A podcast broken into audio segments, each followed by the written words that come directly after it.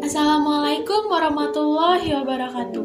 Halo teman-teman, perkenalkan saya Diva Sulistianingrum dari kelas 10 IPS 2 yang hari ini akan menanggapi sebuah obrolan berdurasi sekitar setengah jam dari salah satu video di channel YouTube Deddy Kobuzer.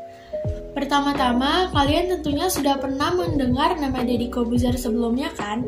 Deodatus Andreas Deddy Cahyadi Sunjono atau yang lebih dikenal secara profesional sebagai Deddy Corbuzier adalah seorang mentalis, aktor, presenter televisi, olahragawan, sekaligus YouTuber Indonesia. Di podcast tersebut, Deddy ditemani oleh Dr. Gunawan, sosok yang merawat dan menjadi penanggung jawab Deddy ketika sakit. Dokter Gunawan sendiri merupakan seorang dokter profesional pada bidang penyakit dalam yang bekerja di Medistra Hospital Jakarta sejak tahun 2012 sampai dengan sekarang.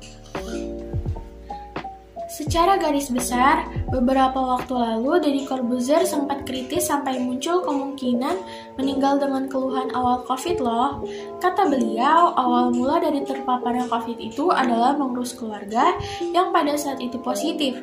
Dengan berpikir bahwa sudah menerapkan pola hidup sehat, makan makanan sehat, dan rajin berolahraga, Deddy tidak menduga bahwa ia akan ikut terpapar virus corona. Loh, iya juga ya, kok bisa? Nah, dalam video kali ini saya akan menyampaikan beberapa poin penting yang saya tangkap berdasarkan podcast tersebut. Poin pertama. Gunawan mengatakan bahwa transmisi COVID-19 masih menuai banyak perdebatan. Namun, ada satu teori yang sama-sama dipercaya bahwa COVID-19 menular pada ruangan tertutup, sehingga selain menjaga jarak, itulah fungsi sama-sama menggunakan masker meskipun dalam kondisi sehat. Masuk ke poin kedua, Kok bisa ya? Jadi Corbuzier yang rajin berolahraga, makan makanan sehat, menjaga prokes, dan pola hidup sehat ini ikut terpapar COVID-19? Nah, itu disebabkan oleh perbedaan respon imun setiap orang. Kalau respon imunnya berlebihan, maka sel darah putih di dalam tubuh ini akan pecah dan mengeluarkan zat-zat peradangan. Loh, kalau begitu tidak perlu berolahraga dong. Eits, salah ya. Sebagai poin ketiga, menurut Dr. Gunawan, imun setiap orang itu memang berbeda-beda dan tidak dapat digeneralis. Namun, dapat dipastikan bahwa orang yang rajin berolahraga ketika terpapar COVID akan terbantu proses pemulihannya. Contohnya nih, Deddy Corbuzier. Ketika beliau sampai mengalami ke tahap kritis, Respon badan yang sangat baik terhadap obat membuat demam dan peradangannya cepat menurun hingga sampai pada tahap penyembuhan dan selamat dari prediksi kematian.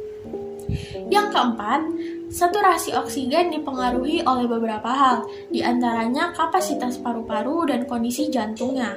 Tentunya, orang yang rajin berolahraga akan memiliki kapasitas paru-paru yang tinggi dengan permukaan paru lebih luas. Begitu juga dengan kesehatan dan cara kerja jantung yang jauh lebih baik. Yang kelima, sekaligus poin terakhir, konsumsi vitamin D dan zinc untuk yang terpapar ini masih rancu ya teman-teman. Banyak perbincangan yang menuai perbedaan pendapat.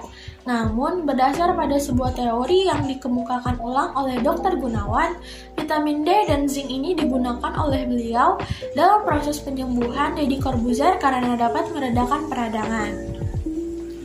Nah, berdasarkan apa yang telah saya sampaikan, sudah tergambar dong seberapa pentingnya menjaga pola hidup sehat dalam kehidupan sehari-hari kita.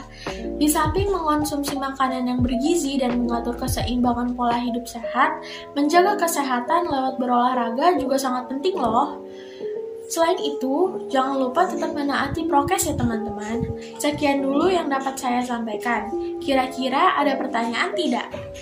Semoga teman-teman semua paham dengan apa yang saya sampaikan ya. Mohon maaf apabila ada kesalahan saya dalam penyampaian, baik yang disengaja maupun tidak. Terima kasih teman-teman. Wassalamualaikum warahmatullahi wabarakatuh. Dadah.